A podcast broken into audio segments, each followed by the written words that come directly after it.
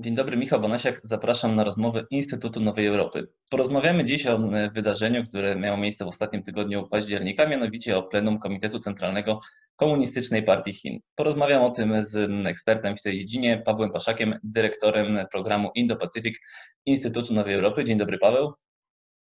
Cześć Michał, miło dziękuję za zaproszenie i dzień dobry Państwu. Na początek chciałbym, żebyśmy porozmawiali o tym, czym w ogóle jest Komitet Centralny Komunistycznej Partii Chin, bo od czasu, kiedy o Komitecie Centralnym mówiliśmy w kontekście Polski, trochę lat już e, minęło, a w Chinach, jak wiemy, e, ten komitet w dalszym ciągu prężnie działa, jest ważnym organem i powiedz, czym de facto jest ten Komitet Centralny i jakie są różnice między nim a pozostałymi tymi ważnymi organami zarządzającymi Chinami. Znaczy, Komitet Centralny tak naprawdę jest jednym z tych e, trzech głównych organów, czyli mamy ten tak zwany chiński parlament e, określany jako ogólnochińskie zgromadzenie przedstawicieli ludowych, które formalnie, kiedy obraduje, jest najwyższym organem. Jednak e, jeżeli ktoś ma troszkę minimalne podejście na temat jakości demokracji i parlamentaryzmu w Chinach, ma świadomość, że to ogólnochińskie zgromadzenie przedstawicieli ludowych jest tak naprawdę najwyższym organem tylko nominalnie, gdzie tak naprawdę taka naj, naj, największa władza skoncentrowana jest w rękach biura politycznego, a dokładnie jego stałego komitetu. Jeżeli jednak chodzi o komitet centralny, e, on liczy ponad 350 członków, z czego e, część ma te prawa, część tych praw nie ma i jest w momencie, kiedy, czy w okresie, kiedy e, ogólnochińskie zgromadzenie przedstawicieli ludowych czyli ten parlament nominalny, nominalny nie obraduje, jest to najwyższy organ. On również odpowiada za wybór sekretarza generalnego, za wybór biura politycznego i stałego komitetu. Więc jeżeli chodzi o takie konstytucyjne umocowane, jest to bardzo ważny e, organ polityczny. Wiadomo, że z racji tego, że to jest formuła bliska, że w skład komitetu wchodzi prawie, prawie że 400 osób, no wiadomo, że jest to pewnego rodzaju e, organ potwierdzający decyzję tego ścisłego jądra partii, tak? czyli tego biura politycznego, a przede wszystkim tego stałego komitetu, bo realna władza tak naprawdę sprowadza się właśnie do tego stałego komitetu e, biura politycznego. Tym niemniej, właśnie jak już powiedziałem, to jest wybór sekretarza generalnego, wybór, e, wybór e, biura politycznego, więc pod tym, pod tym względem Komitet Centralny jest na pewno ważny, a propos dziś, tematu dzisiejszej rozmowy, Komitet Centralny również e, odpowiada za ten taki wykonawczy troszeczkę wymiar, czy też propozycje do tego, jak plan pięcioletni powinien wyglądać. Ale oczywiście te propozycje muszą być potem e, zaakceptowane właśnie przez ogólnochińskie Zgromadzenie Przedstawicieli Ludowych. No i właśnie w tym e, ostatnim tygodniu października mieliśmy mm, e, rozmowę o tym, jak ta najbliższa pięciolatka e, ma w Chinach wyglądać. I zapytam Cię na początek ogólnie, jakie są takie mm, finalne ustalenia, co będą chcieli przeforsować chińscy oficjele na ten okres następnych pięciu lat, jeśli chodzi o takie wyznaczniki ogólne chińskiej polityki? Jeżeli chodzi o słowo przeforsować, e, tutaj oczywiście można tutaj dyskutować na temat tego, na ile tam było forsowanie, bo z oficjalnego komunikatu wiemy, że wszystko zostało przyjęte bez oczywiście żadnego sprzeciwu, e, w pełnym, e, w pełnym konsensusie. To, co zostało przyjęte w trakcie tych obrad między 26 a 29 października, to były propozycje propozycje tak naprawdę sformułowania planu klimatycznego. On jeszcze nie został przyjęty. To są bardziej pewne ogólne kierunki, które wyznaczył Komitet Centralny, które oczywiście zostaną rozwinięte i raczej nie należy oczekiwać jakiegoś gwałtownego zwrotu akcji e, w tym obszarze. To, co jednak jest ważne z naszej perspektywy, to jest to, że Chiny e, odchodzą od modelu, w którym skupiały się na takim wzroście poza wszelką, ponad wszelką cenę, czyli wzroście bez względu na koszty środowiskowe, na koszty społeczne. Ważny był wzrost PKB. W tej chwili mamy przechodzenie od tego wcześniejszego modelu e, opartego na taniej sile roboczej, na modelu proeksportowym, na akumulacji kapitału, do modelu e, wysokojakościowego rozwoju, który uwzględnia aspekty środowiskowe, który dąży do, e, teraz mamy też takie modne słowo, prawda, globalne łańcuchy wartości albo międzynarodowe łańcuchy produkcji. Do tej pory było tak, jeszcze jak przypomnimy sobie lata 90., to nam Chiny kojarzą się z produkcją tanich zabawek, odzieży, prawda? I z czasem, w miarę jak będziemy obserwować jakby rozwój naszych relacji gospodarczych z Chinami, to nagle pojawiły się tanie podróbki elektroniki. Potem ta elektronika e, zaczęła, jak że powiem, zyskiwać w tej takiej powiedzmy drabinie jakościowej, a w tej chwili, jeżeli spojrzymy na polski rynek na przykład smartfonów, to kiedy na przykład bierzemy do ręki Xiaomi, prawda, albo Huawei, no to y, na swój sposób stały się one pewnym wyznacznikiem jakości. I Chiny chcą dalej dążyć w tym kierunku, czyli one dążą do tego awansu w tej drabinie wartości, czy tych łańcuchach wartości, tak żeby nie być tylko miejscem, w którym składa się pewne towary, tylko żeby w Chinach powstawał design, prawda, żeby, żeby te towary i ta wartość dodana najwyższa była właśnie koncentrowana w zakładach w Chinach. Tak? Jak na przykład spojrzymy na przykład na, na. Przerwę, bo hmm? po tym plenum minister nauki i technologii Chin powiedział właśnie hmm. W kontekście tego, co powiedziałeś, że teraz pora postawić na jakość, bo tylko w ten sposób będziemy w stanie konkurować z tymi największymi międzynarodowymi hmm. korporacjami. No docelowo mhm. chodziło oczywiście głównie o te e, firmy, które mają swoje siedziby w Stanach Zjednoczonych. Czyli rzeczywiście Chiny chcą postawić to, o czym wspomniałeś, już nie na to, żeby y, zalewać, jak to się kiedyś ładnie mówiło, e, rynki swoimi towarami, tylko chcą postawić na konkretne towary po to, żeby Chiny kojarzyły się z czymś, co jest dobre, co będzie sprawdzone i co będzie nam mhm. długo służyć. Tak, to jest, to jest celna uwaga. E, Chiny faktycznie już nie mogą sobie pozwolić na taki wzrost. Zwyczajnie w świecie, jeżeli spojrzymy na, na, na dynamikę demograficzną w Chinach, to jest to jedno z najszybciej starzejących się społeczeństw na świecie. E, czyli ta liczba tej takiej młodej siły roboczej, która stanowiła motor napędowy, ona w tej chwili się wyczerpuje więc jest potrzebne po prostu przejścia, a poza tym, jeżeli spojrzymy na warunki środowiskowe w Chinach, e, to one są już w tej chwili tak złe, że konieczne jest też wyjście naprzeciw temu, również ze względu na czynniki zdrowotne, ale także ze względu też na oczekiwania rosnącej klasy średniej. Ale wracając do, do takiego klubu, do którego już, już powolutku zmierzałem, e, wspomniałeś Stany Zjednoczone e, i jeżeli obserwujemy wydarzenia ostatnich kilku miesięcy, to bardzo dobrze widać, że Amerykanie uderzają tam, gdzie boli, czyli uderzają w sektor, który w Chinach jeszcze jest nierozwinięty. Mam na myśli oczywiście mikroprocesory, półprzewodniki, e, czyli tak naprawdę to stanowi rdzeń nowoczesnego przemysłu elektronicznego, nowoczesnego przemysłu ICT. E, I e, w tej chwili technologie, jeżeli chodzi o półprzewodniki, one są właściwie całkowicie zdominowane przez technologie amerykańskie, japońskie, europejskie i południowo-koreańskie. W Chinach ten przemysł cały czas bardzo mocno, dopiero, dopiero tak naprawdę raczkuje, mimo bardzo pokaźnych środków, które władze starają się odgórnie przeznaczyć na to, żeby to spowodować. I w tym y, planie pięcioletnim, czy w tych propozycjach do, do planu pięcioletniego, bardzo wyraźnie widać, że Chiny e, zdają sobie sprawę z tego, że samowystarczalność, czy można powiedzieć tak suwerenność polityki zagranicznej wymagać będzie od Chin aby one potrafiły uniezależnić się od tego importu tych wysokich technologii. Bo e, jak myślimy teraz o Chinach, jest kilka sprzecznych przekazów. Część mówi, że to jest już w tej chwili jakieś technologiczne supermocarstwo, że ono wyprzedziło Zachód i tak dalej, a z drugiej strony mamy też taki prąd krytyczny, który dezawuuje te osiągnięcia, które Chiny mają. E, I moja osobista ocena jest taka, że e, wzrost technologiczny Chin jest no, trudny, trudno, że tak powiem, trudno jest to ocenić że jakby nie ma żadnych postępów. Te postępy są bardzo wyraźne, przy czym też trzeba powiedzieć, że one są ograniczone do pewnych wysp. To nie jest kompleksowy wzrost, tylko mamy na przykład bardzo silny sektor ICT, czyli te technologie telekomunikacyjne, gdzie mamy Huawei, gdzie mamy Alibaba, gdzie mamy Baidu, e, czyli tak zwany BAT. E, I, I, mamy, mamy na przykład też świetnie rozwiniętą sektor płatności elektronicznych, ale jednocześnie jak spojrzymy na samoloty J-20, które miały stać się przeciwwagą do amerykańskich F-35, to nadal latają one na sowieckich e, na, na sowieckich silnikach odrzutowych, ponieważ Chińczycy nie byli w stanie stworzyć silników, które, były, które zapewniałyby podobne osiągi do silników amerykańskich. Także ten wzrost Chin faktycznie on jest. Możemy pokazać, wskazać jeszcze na przykład na kolej wysokich prędkości, możemy wskazać również na przykład na energetykę odnawialną, energetykę jądrową, ale on nie jest on kompleksowy. I w poprzednich latach mieliśmy do czynienia również z takim programem jak Made in China 2025. Jedną z jego głównych myśli, takich myśli przewodnich było dążenie do właśnie zapewnienia tej samowystarczalności. E, z jednej strony to jest ważne, ponieważ no, konieczna jest zmiana czy też transformacja modelu rozwojowego. Chiny muszą zwiększyć swoją pozycję, czy wzmocnić swoją pozycję w łańcuchach produkcji, bo bez tego zwyczajnie w świecie ich gospodarka będzie zwalniała. Ona oczywiście i tak będzie zwalniała, tylko chodzi o to, aby ten kolejny wzrost był bardziej e, wysokojakościowy. Drugi, drugą kwestią jest właśnie to, aby e, stworzenie samodzielnego przemysłu wysokich technologii, mam na myśli kompleksowy, nie tylko, e, nie tylko oczywiście mikroprocesory, chociaż one są takie dość, dość takim dobrym przykładem, ma zapewnić również Chinom zdolność do efektywnej rywalizacji z USA.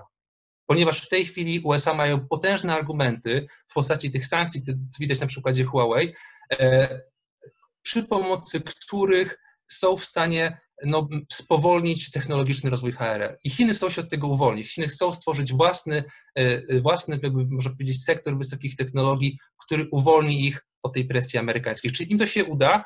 No, będzie bardzo wiele przeszkód, ponieważ całe środowisko międzynarodowe w tej chwili no, raczej z perspektywy chińskiej uległo pogorszeniu. Tak? E, na początku października... Też nie, nie, mówią, że to ma być 5 lat i e, że wyrównamy hmm. albo prześcigniemy Amerykanów, tylko oni e, wśród tych różnych konkluzji po plenum pojawiła się też data 2035 roku, a więc nie za 5 lat, a za lat 15, jako taka data, hmm. kiedy Chiny mają stać się no, państwem rozwiniętym bardzo mocno naukowo-technologicznie. Mhm. Nawet taki cytat znalazłem, że to ma być wielkie, nowoczesne państwo socjalistyczne ale dopiero w 2035, więc trochę tego czasu sobie dają więcej niż 5 lat.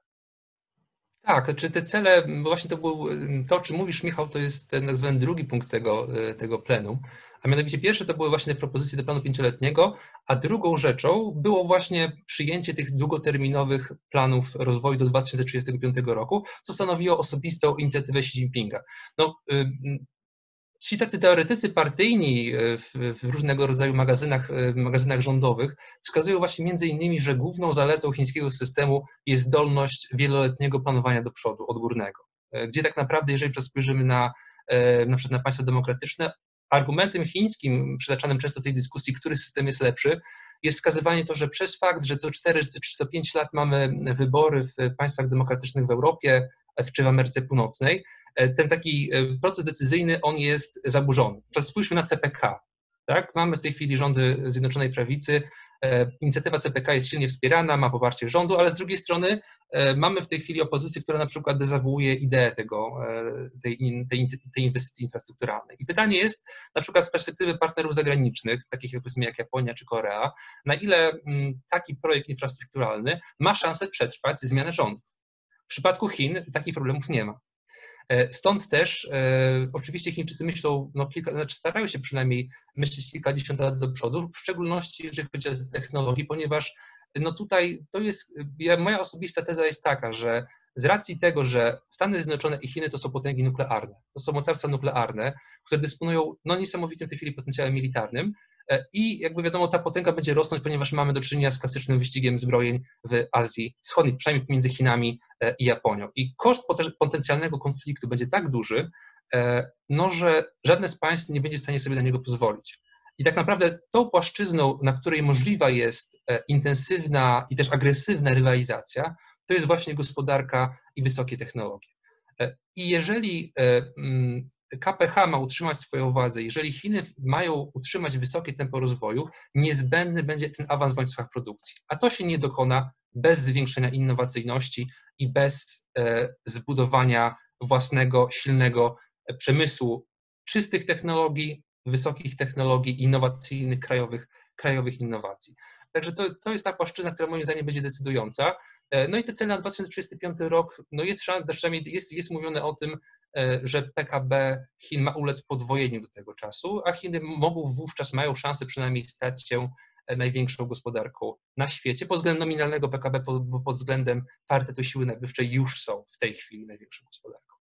Mówisz, że PKB ma się pozwolić, ale generalnie w czasie tych dyskusji, na co zwraca się uwagę, mm -hmm. padało bardzo mało konkretnych liczb. To jest to, co odróżniało -hmm. te obrady od poprzednich, że Chińczycy jednak nie zdecydowali się na wskazanie takich konkretnych liczb, jeśli chodzi o ekonomię, e, do których będą dążyć. Czy to jest efekt tego, w jakich okolicznościach się obecnie znajdujemy, mam na myśli e, pandemię, czy to jest też efekt jakiejś zmiany, że oni już teraz nie będą tak mocno stawiać na liczby, tylko będą stawiać na coś innego, może na rzeczywiste zmiany, które e, takie liczby ze sobą mogłyby nieść.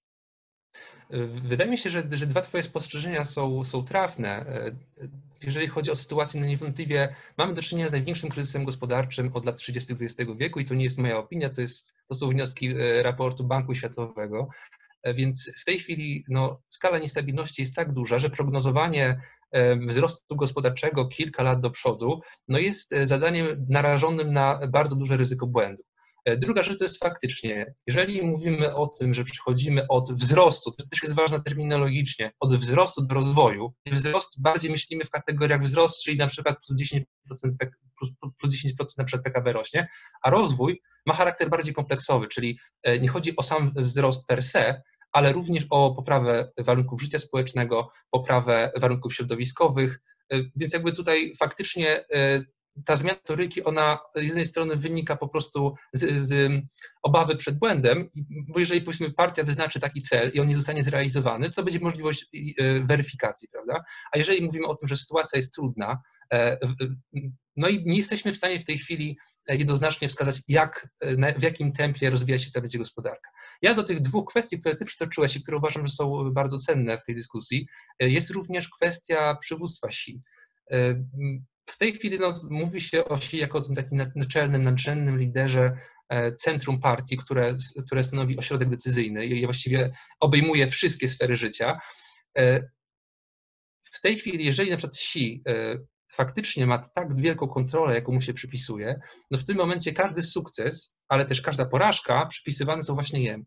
Stąd też takie rozwiązanie, które zostało przyjęte, czyli brak jakichś konkretnych celów znaczy tam oczywiście te cele będą, ale nie ma aż w odniesieniu do PKB one nie zostały tak mocno skonkretyzowane.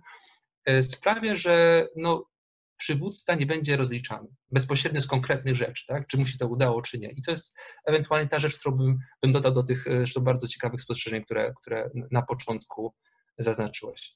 I jakby na poparcie tego, o czym z kolei Ty mówisz, e, przytoczę taki element, który też się pojawił, że nie ma liczb, ale na przykład pojawiło się takie zdanie, że będziemy dążyć do zmniejszenia różnic ekonomicznych pomiędzy mhm. miastami, a pomiędzy ośrodkami wiejskimi. Czy Twoim zdaniem rzeczywiście to jest realne i na ile to jest realne, żeby różnice między tymi chińskimi megamiastami a prowincją e, mhm. zasypać? W jakim zakresie to może się udać?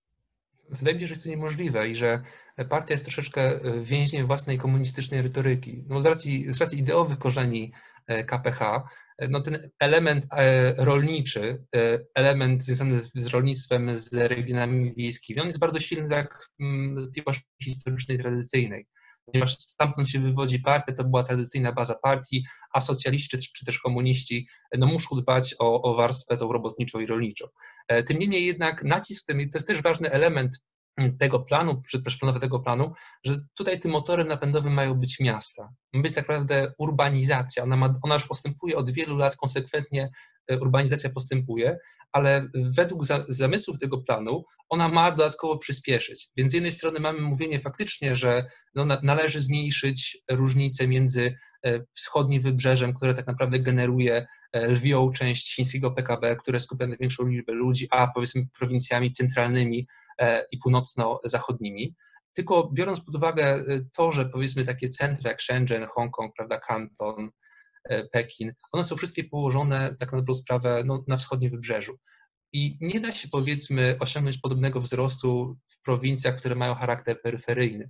Więc nie oczekiwał tutaj, znaczy na pewno rząd będzie podejmował e, działania na rzecz e, ograniczenia poziomu biedy, czy też mm, różnego rodzaju programy, które mogłyby e, pomóc tym, tej trudności wiejskiej. Tym niemniej jednak nie da się tutaj w mojej osobistej ocenie też nie jestem ekonomistą, bardziej patrzę po prostu jako politolog, który ocenia pewne dane ekonomiczne i pewne trendy. Mm, nie da się E, zasypać tych różnic, ponieważ one wynikają po prostu z, samego modelu rozwoju, a kolejny plan prawdopodobnie jeszcze to przyspieszy, czyli będziemy mieli e, skupienie na wielkich centrach miejskich, na megamiastach, które mają stać się właśnie tymi ośrodkami generującymi te innowacje, technologie oraz wzrost e, PKB. Więc ewentualnie to, co, to, to, czego, czego można byłoby się spodziewać, to pewne poluzowanie tego systemu huką, E, czyli tego systemu związanego z mm, pracownikami migrującymi. To jest oczywiście też e, element spekulacji, na ile to się uda faktycznie poluzować, a na ile to zostanie w mocy. Tym niemniej nie oczekuję, aby, aby mm, te różnice, które, które jakby zawsze były, a w ostatnich dziesięcioleciach one się pogłębiły, aby te różnice zniknęły, czy też e, zostały silnie ograniczone. Jednym z filarów tej pięciolatki następnej ma być tak zwana strategia podwójnego obiegu. O co chodzi? Mhm. Czym jest Zasada podwójna to jest jedna z koncepcji promowana osobiście przez e, sekretarza Xi Jinpinga.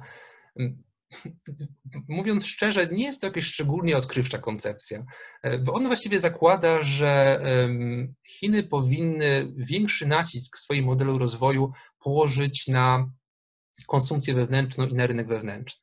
E, I tak naprawdę tego typu głosy pojawiały się zdecydowanie wcześniej, także to nie jest żadne nowum, zostało po prostu ubrane pewną, pewną taką koncepcję.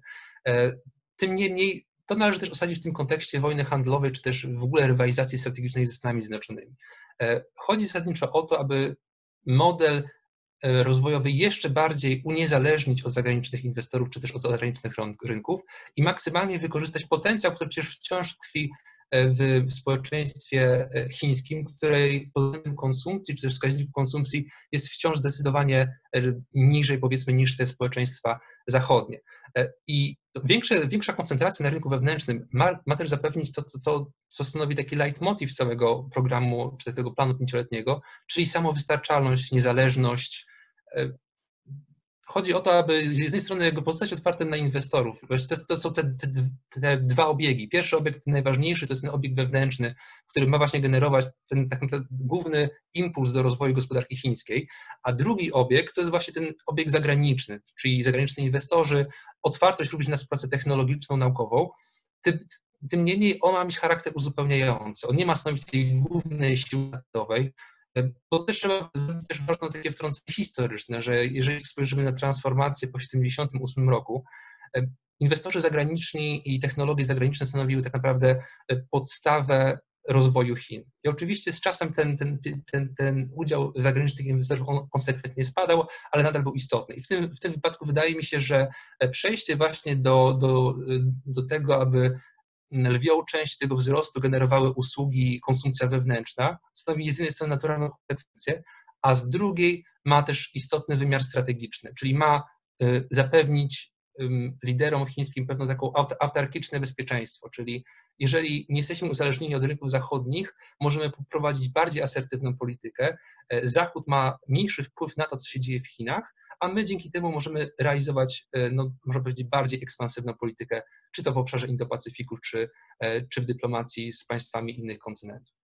Liczebnie oczywiście rynek chiński jest ogromny i tutaj nie ma absolutnie żadnej mm. dyskusji. Stąd też walka wielu zagranicznych firm o to, żeby na tym rynku istnieć, ale zastanawiam się, na ile ten rynek jest e, w stanie sprostać tym założeniom, które postawiło sobie Biuro Centralne, Komitet Centralny e, Komunistycznej Partii Chin, jeśli chodzi właśnie o konsumpcję. Czy to społeczeństwo jest wystarczająco bogate, żeby zadośćuczynić tym, temu, żeby rzeczywiście ten rynek wewnętrzny no, mógł w dużej mierze zastąpić te inwestycje e, zagraniczne, a jeżeli nie zastąpić, no to przynajmniej konkurować, jeśli chodzi o wpływy do, do budżetu. Jeżeli chodzi o uniezależnienie się od eksportu jako, jako, jako motoru PKB, to faktycznie w ostatnich latach udało się to bardzo wyraźnie ograniczyć. Oczywiście tutaj, to też trzeba podkreślić, że to nie jest tak, że Chiny zamykają się na inwestorów zagranicznych. Mimo pewnych zapowiedzi stworzenia listy zagranicznych inwestorów, którzy stanowią pewien rodzaj zagrożenia dla KPH i, i dla HRL, Chiny nadal bardzo silnie będą polegać na inwestorach zagranicznych. A jeżeli spojrzymy na to, jak e, kształtuje się sytuacja e, gospodarcza na świecie, czyli na kryzys gospodarczy w strefie euro, mm, Amerykanie już powolutku wychodzą z tego kryzysu, widać już wyraźne odbicie w trzecim kwartale, ale jeżeli spojrzymy na sytuację na całym świecie, widać, że tak naprawdę państwem, które na dobrą sprawę na poważnie wychodzi z tej recesji, są przede wszystkim Chiny. E, I stąd też, jeżeli chodzi przykład o inwestorów, to mimo tego, że mimo tej presji amerykańskiej, mimo pewnych pogarszających się też relacji z Unią Europejską i czy z Indami, e, Chiny nadal są dla inwestorów bardzo atrakcyjnym miejscem lokowania kapitału i Chińczycy są tego świadomi i będą starali się maksymalnie to wykorzystać. Oczywiście e, społeczeństwo chińskie jeszcze minie trochę czasu, kiedy ono mm, będzie w stanie powiedzmy uzyskać poziom w ogóle, prawda, tego poziomu konsumpcji, który jest e, na zachodzie.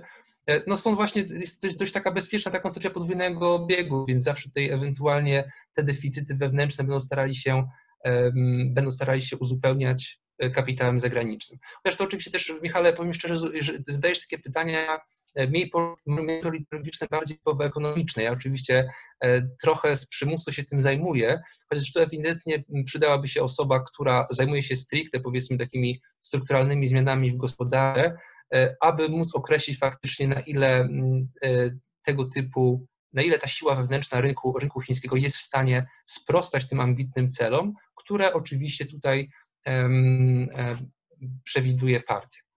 I dodam tu jeszcze taką jedną rzecz a propos, mm, a propos tych technologii, bo też wydaje mi się, że e, z jednej strony oczywiście to jest to wszystko, o czym mówiliśmy, czyli rynek wewnętrzny, próba zwiększenia poziomu konsumpcji, konsumpcji wśród klasy średniej, wśród społeczeństwa chińskiego, a z drugiej strony mamy takie inicjatywy jak e, inicjatywa pasa i szlaku e, i próby też eksportu tych, tych wysokojakościowych towarów do państw, które dotychczas no jakby powiedzmy utrzymywały tą taką współpracę z Chinami, ale jednak ona miała mniej intensywny charakter, tak? Czyli na przykład tutaj jeden z, jeden z, jeden z takich perspektywicznych obszarów jest na przykład mm, energetyka jądrowa. E, I jeżeli spojrzymy na Amerykę Łacińską, czy na Afrykę, czy na Azję Południowo-Wschodnią, czy Azję Południową, w ostatnich latach e, Chiny tam bardzo e, intensywnie zaangażowały się w projekty infrastrukturalne, ale także i oprócz tego w projekty energetyczne. I faktycznie, jeżeli cały świat zmierza trochę w kierunku no, tej zielonej rewolucji, to też bardzo wyraźnie widać na przykładzie Chin, no to Chiny mają jakby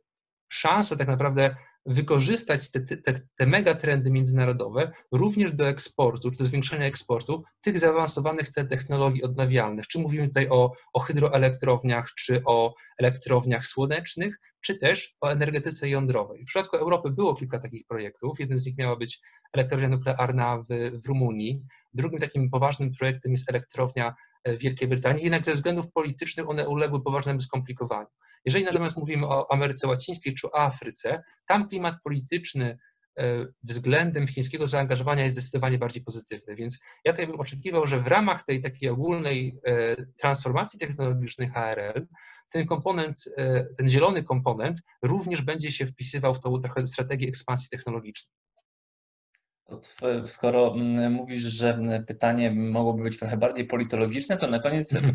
taką obserwacją, że to, co moim zdaniem tak na pierwszy rzut oka odróżniało to posiedzenie od innych wydarzeń politycznych, mhm. które mamy, obserwujemy w pozostałych krajach świata, to był brak maseczek u tych, którzy się tam zgromadzili. To jest taki znak bardzo wizualny, że Chiny poradziły sobie już z pandemią, że nie mają się czego obawiać i że te mhm. przypadki, które tam się jeszcze notuje, to już są jakieś jednostkowe, a no, czy, czy, czy krótko mówiąc, czy Chiny ogłosiły zakończenie walki z koronawirusem w takiej formie, jaką jeszcze e, no, blisko rok temu e, prowadziły? No, lockdownu nie ma. Oczywiście co jakiś czas wypływają różnego typu informacje dotyczące miast czy wielomilionowych miast, które zostały całkowicie przebadane bądź zamknięte. Tym niemniej, jeżeli porównamy sobie sytuację, nie wiem, w Indiach, w Stanach Zjednoczonych czy w Europie i sytuację w Chinach, no to widzimy tutaj, że no, Chińczycy sobie poradzili, jak na razie przynajmniej, zdecydowanie lepiej niż poradziła sobie Europa. Oczywiście tutaj można dyskutować nad źródłami takiego stanu rzeczy. Niemniej fakt jest faktem, że e, no, krytycy Chin tutaj się czują nieswojo, tak? no bo e, jednym tak naprawdę można powiedzieć, że no, pandemia koronawirusa zaczęła się dla Chin bardzo źle, pod tym kątem, że wina za, za, za rozprzestrzenienie się pandemii oczywiście spada na KPH, częściowo oczywiście bardzo słusznie, ponieważ ta reakcja faktycznie była spóźniona. Potem jednak, potem zaczęły się krytyka HPH pod względem tego, że e, spawa ludzi, zaspawa drzwi do, e, do osiedli czy do mieszkań i, i tych ludzi właściwie więzi. Suma summarum jednak e, takie drastyczne obostrzenia doprowadziły do, do względnego ustabilizowania sytuacji epidemicznej w Chinach, podczas gdy w przypadku Europy ta sytuacja wygląda zdecydowanie gorzej. I moja osobista obserwacja jest taka, że mm, dla mm, autorytetu wewnętrznego KPH obecna sytuacja jest bardzo korzystna, ponieważ to się wpisuje bardzo silnie w tą narrację o tym, że model hybrydowy reprezentowany przez Chiny, który łączy e, kapitalizm, czyli te mechanizmy rynkowe w sferze gospodarki, e, a w wymiarze politycznym i społecznym mamy taki twardy, e, technokratyczny autorytaryzm, który czasami nawet zahacza o, o totalitaryzm. I to, tego typu połączenie daje tak naprawdę Chinom instytucjonalną przewagę nad Zachodem. Mm, oczywiście to jest kwestia dyskusji, na ile tak faktycznie jest, ale, e, ale na przykład w Chinach też, też jest stosunkowo otwarty stosunek do relacjonowania kampanii wyborczej w Stanach Zjednoczonych. E, I to generalnie pokazuje bardziej, ja to podaję ten przykład dlatego, że dla wielu Chińczyków i tak dla wielu Europejczyków jest to żenujące doświadczenie, w tym sensie, że ta kampania pokazuje różnego rodzaju patologie towarzyszące demokracji liberalnej. I do tego dochodzą oczywiście te relacje dotyczące protestów, tego ruchu Black Lives Matter. Oprócz tego mamy też dramatyczne relacje z Europy czy ze Stanów Zjednoczonych dotyczące pandemii koronawirusa, że po prostu kolejne rządy europejskie czy kolejne systemy opieki zdrowotnej zwyczajnie sobie z tym nie radzą.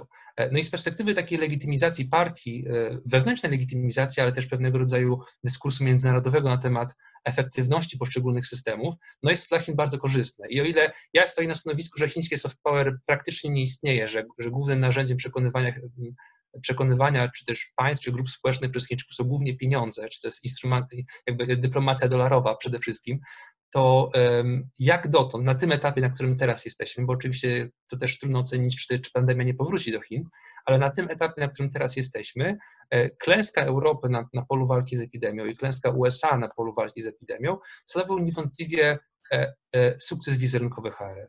Tak? Czyli liderzy, liderzy Xi Jinping oraz inni liderzy mogą pokazać czarno na białym, spójrzcie na Zachód, w tej chwili pogrąża się on w jakiejś wewnętrznej walce politycznej, między frakcją lewicowo-liberalną a konserwatywno-katolicką, czy jakąś inną, a oprócz tego nie są w stanie efektywnie poradzić sobie z kryzysem, podczas gdy my, oskarżani o zamordyzm i, e, i tyranię, zapewniamy Wam bezpieczeństwo i dobre warunki wzrostu.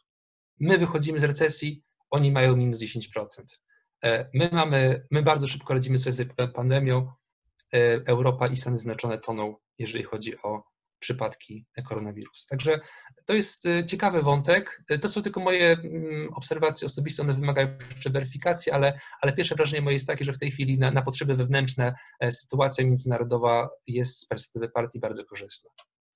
To jeszcze zapytam Cię właśnie o tę sytuację międzynarodową i o wydarzenie, które chociaż rozgrywa się, będzie rozgrywać się wkrótce dość daleko od Pekinu, to będzie miało na tę najbliższą chińską pięciolatkę duży wpływ. Mianowicie mhm wybory prezydenckie w Stanach Zjednoczonych. Kto i dlaczego z perspektywy Chin byłby korzystniejszym gospodarzem w Białym Domu przez najbliższe 4 lata? To jest kwestia, to nie, ta kwestia nie jest do końca jednoznaczna. Przynajmniej w mojej osobistej ocenie nie jest to kwestia jednoznaczna, ponieważ jeżeli spojrzymy na Donalda Trumpa, mm, no to w tej warstwie takiej dyskursywnej mamy bardzo twarde podejście do Chin. Jeżeli chodzi o tą warstwę taką powiedzmy faktyczną, z jednej strony no widzimy, są, są sankcje wobec koncernu Huawei, są sankcje technologiczne, jest nacisk na przykład bardzo silna presja na, na sojuszników europejskich, żeby wykluczyli Chiny z procesu budowy sieci 5G. E, jednocześnie jednak, jeżeli spojrzymy na, na, na porozumienie Phase One Deal, czyli to, to, to porozumienie wstępne mające stanowić tak naprawdę mm, mm, ten pierwszy krok na rzecz normalizacji stosunków, no to tam chyba w tej chwili obecnej udało się spełnić około 60% tych celów nałożonych y, y, w, tej, w tej, tejże umowie. E, więc pod tym kątem Donald Trump jest, jest, jest, postrzegany przynajmniej jako, jako polityk, który prowadzi twardą politykę wobec Chin.